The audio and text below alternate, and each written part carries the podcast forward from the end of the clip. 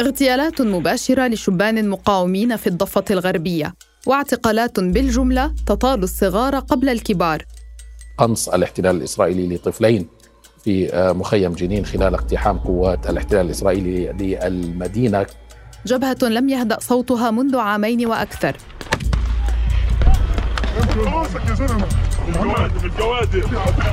لكن منذ السابع من أكتوبر صعد الاحتلال الإسرائيلي من اقتحاماته.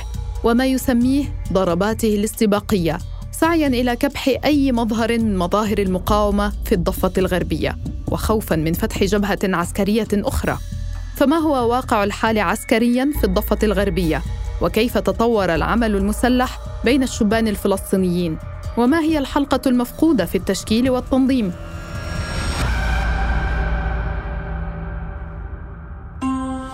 بعد أمس من أثير الجزيرة أنا روعة أوجي.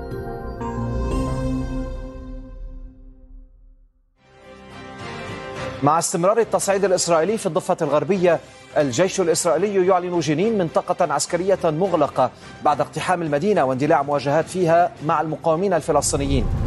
في ظل الاقتحامات المتتالية باتت أخبار الضفة الغربية تشبه بعضها البعض حيث لا يمر يوم دون اقتحام أو اعتقال أو مداهمة. الأخبار هي نفسها. مع فارق التوقيت وعدد الشهداء والأسرى فما هي خريطة التحركات الإسرائيلية في الضفة؟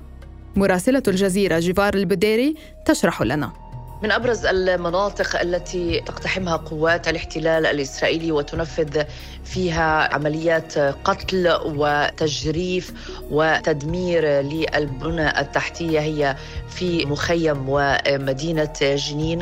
أيضا في مخيمي طول كرم ونور شمس في مدينة طول كرم وأيضا في المنطقة الشرقية من مدينة نابلس تحديدا في مخيمات بلاطة وعسكر القديم وعسكر الجديد. باقي المناطق في الضفة الغربية من الشمال عند جنين إلى الجنوب في الخليل. في كل ليلة هناك عمليات اقتحام واعتقالات ومداهمات. يتخلل عمليات الاقتحام والاعتقال ترهيب للعائلات تخويف والضرب بشكل وحشي وفق شهادات العيان من من يتم الإفراج عنهم من المحتجزين وقمنا بمقابلتهم يتم الحديث عن ضرب وحشي جدا حتى باستخدام الكلاب الشرسة في التعامل مع العائلات وأيضا في التعامل مع كل المعتقلين الذين يتم نقلهم تباعا إلى مراكز التحقيق والتوقيف. كتيبة جنين، عرين الأسود، كتيبة طول كرم وعقبة جبر وغيرها من المجموعات التي اتخذت من السلاح سبيلا لها للوقوف في وجه الاحتلال بأوجهه المختلفة وجه الاستيطان والمستوطنين والتنكيل والاعتقال والقتل ومصادرة الأراضي. هذه الكتائب والمجموعات يسعى الاحتلال إلى تصفيتها وتصفية قادتها وكان آخرهم قائد ومؤسس كتيبة جنين. تم اغتيال قائدين بارزين في مخيم جنين أحدهما قائد كتيبة جنين اذا هذا هو آخر خبر عاجل الآن على شاشة الجزيرة فكيف تؤثر هذه الاغتيالات للقادة على مسيرة الكتيبة؟ وما هي تداعيات هذا الاغتيال؟ يجيبنا الكاتب والباحث الفلسطيني الدكتور هاني عواد لا أعتقد بانه هنالك تداعيات خطيرة سوف تكون على من اغتيال مؤسس كتيبة جنين ولا على غيره لأنه نمط هذا المقاومة لا يعتمد على الشخص بحد ذاته هو يعني ولاد باستمرار. وعموما أيضا هنالك وهم لدى الحكومة الإسرائيلية أن, المو... أن... يعني يعني أن المقاومة هي هذه المجموعات الصغيرة المحلية والتي صحيح أن لها تواصل مع الخارج لكنها يعني متحصنة في المخيم لكن هذا وهم يعني لن تستطيع بعد تدمير مخيم جنين أو تجريف مخيم طول كرم يعني أن تقضي على المقاومة لأنه هي المقاومة هي فكرة في النهاية. بعد الانتفاضة الثانية طبق الاحتلال عملية السور الواقع عام 2002 هذه العملية أعلنها رئيس الوزراء الإسرائيلي حينها أريال شارون. هدفها بشكلها الأساسي تخفيض العمليات الفدائية وتدمير البنى التحتية الفلسطينية خاصة الأمنية منها. واستباحة الاعتقال لكل فلسطيني يفكر بعمل عسكري اليوم وبعد عشرين عاماً كيف عاد السلاح إلى الواجهة في الضفة؟ وما الذي تغير بعد 7 أكتوبر؟ طبعا أيضا نحن نعرف الآن على وجه اليقين وباعتراف المسؤولين الأمنيين وحتى مختلف المحللين العارفين في المنطقة أن أحد الأسباب وربما أهم الأسباب في الهزيمة الإسرائيلية في 7 أكتوبر هي الضفة الغربية هو انشغال الجيش الإسرائيلي على مدار سنوات طويلة في تطوير آليات من أجل ملاحقة واجتثاث خلايا المقاومة في الضفة الغربية. 7 أكتوبر لم يغير شيء ربما رفع من كثافة آه، العمليات قليلا لكن جبهة الضفة الغربية عمليا كانت مشتعلة قبل ذلك. والدليل على ذلك انشغال الجيش الإسرائيلي بوحداته المختلفة في وأجهزته المخابراتية بذلك الوقت في ملاحقة مجموعة من عناصر المقاومة. الصغيرة والغير متطورة حتى مقارنة في فترة الانتفاضة الثانية وترك الخطر الأهم آه، القادم من الجنوب يعني من قطاع غزة. 7 أكتوبر في هذا الحال لم يغير من الحالة في الضفة الغربية. معظمهم من مواليد الألفية الثانية. منهم المسيس ومنهم المتحزب ومنهم بدون أي انتماء. اتحدوا فيما بينهم دون تنسيق مع أي قيادة حزبية تقليدية وحملوا السلاح بدون مرجعية سياسية. وقد عملت تلك المجموعات المقاومة في جنين على إسقاط التمايزات الفصائلية مما منحها قوة إضافية كما نجحت في تصنيع قنابل محلية وعبوات استخدمت بفاعلية ضد آليات الاحتلال المدرعة وجنوده. دكتور عواد آلية انطلاق كتيبة جنين وعرين الأسود فجرت سؤال أين دور الفصائل الفلسطينية؟ في حشد وتنظيم العمل المسلح. وهل غياب هذا الدور هو ما أدى إلى ضعف التحركات في حرب غزة؟ تسميات مثل عرين الأسود وكتيبة جنين وكتيبة طول كرم هي تسميات لمجموعات محلية صغيرة شبابية. يعني هي شلل أكثر من أنها شلل من النوع الذي نفهمه من النوع شلل الأصدقاء التي تنشأ في الحارة لمجموعة من الشباب في مقتبل أعمارهم. والتي ينجح عناوين منها في التواصل مع عناوين أخرى من الفصائل الفلسطينية عناوين سرية طبعا من الفصائل الفلسطينية في الضفة الغربية. وطبعا وأعني بالفصائل الفلسطينية هي حماس والجهاد الإسلامي بالتحديد. والحصول على التمويل أو السلاح هذه العلاقة التي تربطهم العلاقة التي تربطهم بالفصائل الفلسطينية هي علاقة تمويل ودعم وليست علاقة تنظيم. بمعنى ليست الفصائل الفلسطينية هي من أقنعت هؤلاء الشباب بالتنظم. هم قرروا من تلقاء أنفسهم تنظيم أنفسهم لحماية قراهم وأحيائهم. يعني المقاومة في الضفة الغربية ليست مقاومة هجومية كما كان الحال في 7 أكتوبر بل هي مقاومة دفاعية. لاحظي أن أغلب شهداء عرين الأسود والمجموعات الشبابية الأخرى هي داخل مخيماتهم وفي أحيائهم وأحيانا في منازلهم فهي مقاومة للدفاع عن النفس أكثر من أي شيء آخر. قوة هذه المقاومة هي في حفاظها على الحالة. ومن الممكن في المستقبل أن تتطور. استخدم المقاومون في الضفة الغربية أساليب متعددة وعمليات نوعية. استهدفت جنود الاحتلال وكذلك المستوطنين عبر إطلاق النار أو تفجير العبوات الناسفة. قالت كتائب القسام الجناح العسكري لحركة حماس في جنين إنها أدخلت إلى وسائلها القتالية عبوة ناسفة مضادة للدروع من نوع شواظ واحد. ومن هنا يأتي السؤال أين تكمن قوة المقاومة الآن؟ من جهة أنواع الاشتباك التي تمتلك أدواته؟ قوة هذا النمط من المقاومة لا تكمن في طبيعة عملياته وادوات الأدوات التي يستخدمها برايي بل هو في شكل تنظيمه يعني هو لا مركزي. بالتالي لا يمكن القضاء عليه عبر القضاء على قيادته آه، أو عبر تفكيك التنظيم. هو متوالد باستمرار ولا يحتاج إلى شكل من أشكال القيادة الهرمية الواضحة. هذا يجعله يعني أخف حركة من نمط المقاومة الذي نشهده. تحولت المقاومة إذا من عمليات فردية كالتي شهدناها في عام 2015 إلى إطلاق النار وزرع العبوات الناسفة والتخطيط الجماعي. وكل هذا في ظل سلطة أمنية وعسكرية إسرائيلية يساعدها تنسيق السلطة الفلسطينية في محاولة لمنع أي عمل عسكري. كيف استطاعت هذه الكتائب والمجموعات أن تتخطى المحتل والسلطة في آن واحد؟ لا يمكن أن نفهم حالة التطور هذه بدون ما دون أن نفهم العلاقة مع الخارج، العلاقة مع غزة والعلاقة حتى مع آه، جهات أخرى داعمة للمقاومة في في الإقليم ولكن السبب العامل الأهم برأيي وتقديري هو هشاشة السلطة الفلسطينية وضعفها نحن نعرف أنه منذ صعود آه، بنيامين نتنياهو انتهج سياسة إضعاف الكيانية الوطنية الفلسطينية إضعاف السلطة الفلسطينية حتى في الضفة الغربية. آه، والسياسة الاستراتيجية الأمنية آه، الإسرائيلية آه، تجسدت في السنوات العشر القادمة بمحاولة حتى تجاوز السلطة الفلسطينية في الدور الأمن في دورها الأمني في التنسيق الأمني ومحاولة تنفيذ عمليات الوصول إلى أهدافها في المدن الفلسطينية وتحديدا في شمال الضفة الغربية بشكل مباشر وبناء على معلومات استخباراتية تجمعها أجهزة المخابرات الإسرائيلية مثلث الرعب نابلس جنين طول كرم شمال الضفة الغربية. هكذا يسمون تلك المدن. إذ لا تخلو ليلة دون اقتحام قوات الاحتلال لهذه المناطق في محاولة للقضاء على المقاومين. لكنها بمثابة الصياد والتنين كما كتب عنها الأسير زكريا الزبيدي في تاريخ مطاردة إسرائيل للفلسطينيين.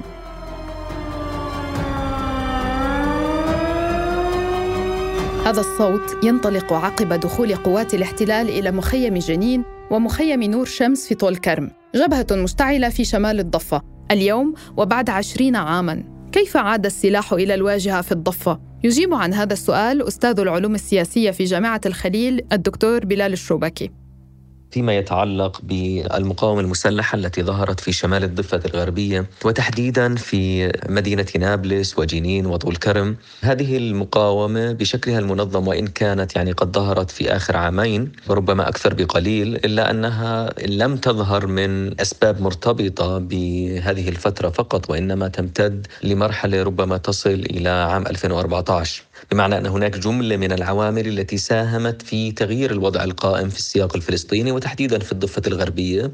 تلك التي يمكن اعتبارها أرضية معنوية وسياسية ساهمت في آه، تشكل وتبلور هذه الظاهرة حتى وصلت إلى أن تكون مجموعات عسكرية موجودة في شمال الضفة الغربية. آه، نذكر هنا يعني جملة من هذه العوامل من بينها أن حرب 2014 في قطاع غزة وهبة القدس في الضفة الغربية ومن ثم العمليات الفردية وتحديدا العمليات الفردية تلك التي أعطت مؤشرات على أنه يمكن تجاوز الحالة الأمنية الراهنة في الضفة الغربية وأعطت أيضا مؤشرات على وجود حالة تمرد على الوضع القائم وإن كان بصيغة فردية. لذلك آه، ما وصلت إليه الأمور في شمال الضفة الغربية في عام 2021 وما بعدها آه، هو نتاج لكل هذه العوامل. وتحديدا في عام 2021 بالإضافة إلى ذلك هناك عوامل تخص هذه الأماكن تحديدا. وحين نتحدث عن نابلس وجنين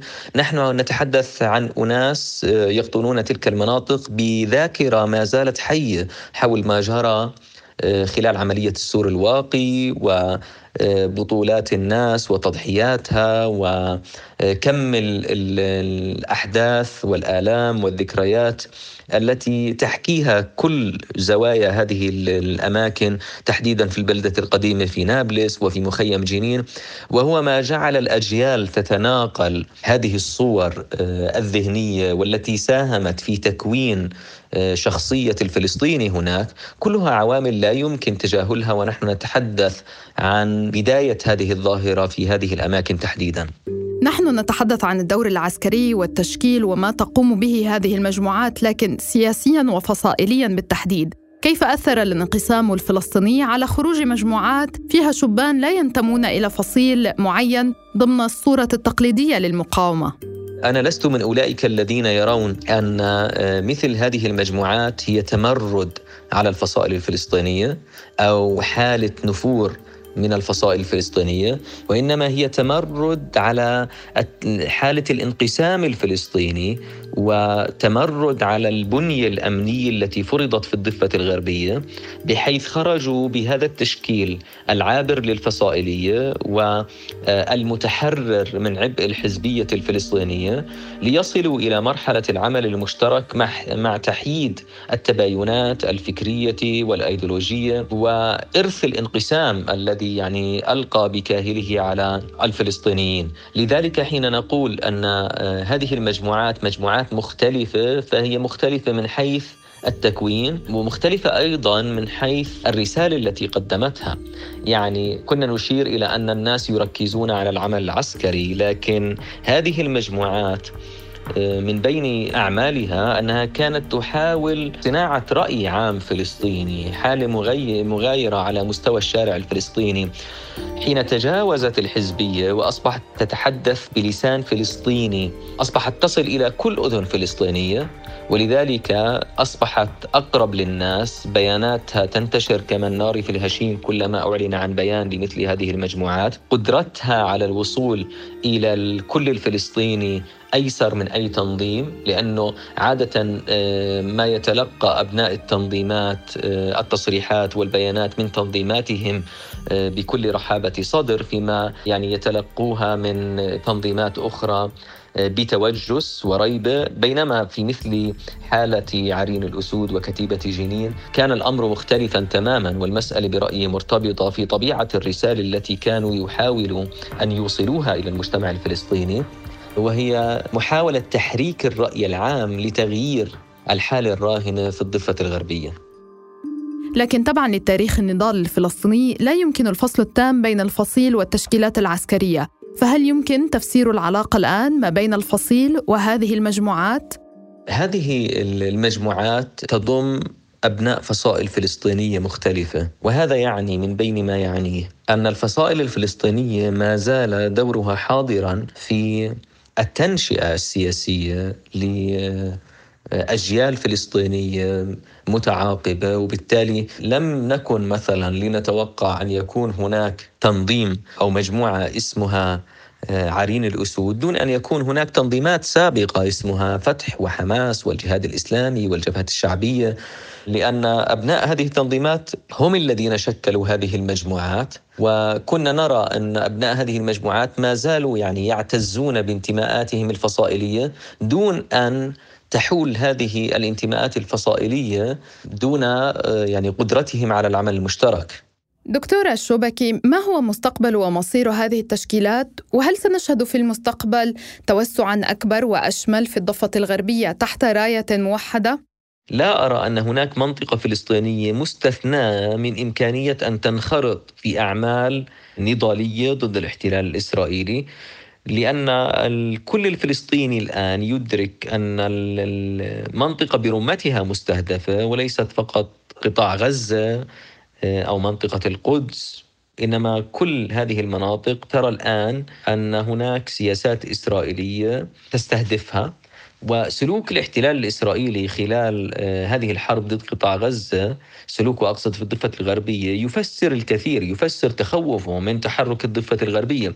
وتحرك الضفة الغربية بالمعنى الشعبي وليس بالمعنى العسكري. ما فرضته سلطات الاحتلال الإسرائيلي من قيود في الضفة الغربية على الحركة إغلاق القرى والمدن الفلسطينية عمليات الاعتقال الاستباقية معظمها اعتقالات إدارية كلها تشير إلى أن هناك تخوف من تحرك الضفة الغربية. وأنا أعلم أنه كان السؤال فيه تركيز على المجموعات المسلحة في شمال الضفة الغربية لكن كما أشرت الفكرة هي في العمل المشترك وليس في طبيعة العمل العسكري بحد ذاته.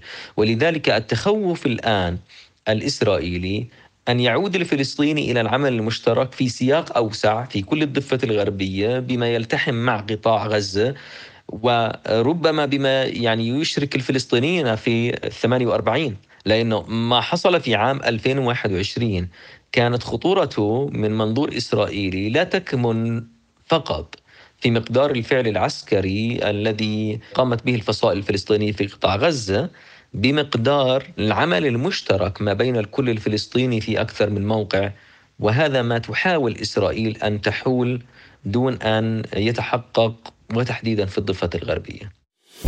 في ضفة مشتعلة خرج شبان الألفية الثانية وأعلنوا مواجهتهم أمام محتلهم ليخلقوا بعدها انتفاضات وهبات بين الحين والآخر يستشهد أحدهم فيخرج آخر جديد في رسالة معاكسة ومعادية للتيار تيار الاحتلال في الاعتقالات والاغتيالات والاستيطان وتيار التنسيق الأمني. ويبقى السؤال هنا إلى أين يمكن أن يقود هؤلاء الشبان وغيرهم الضفة الغربية في المستقبل؟ بعد أمس من أثير الجزيرة.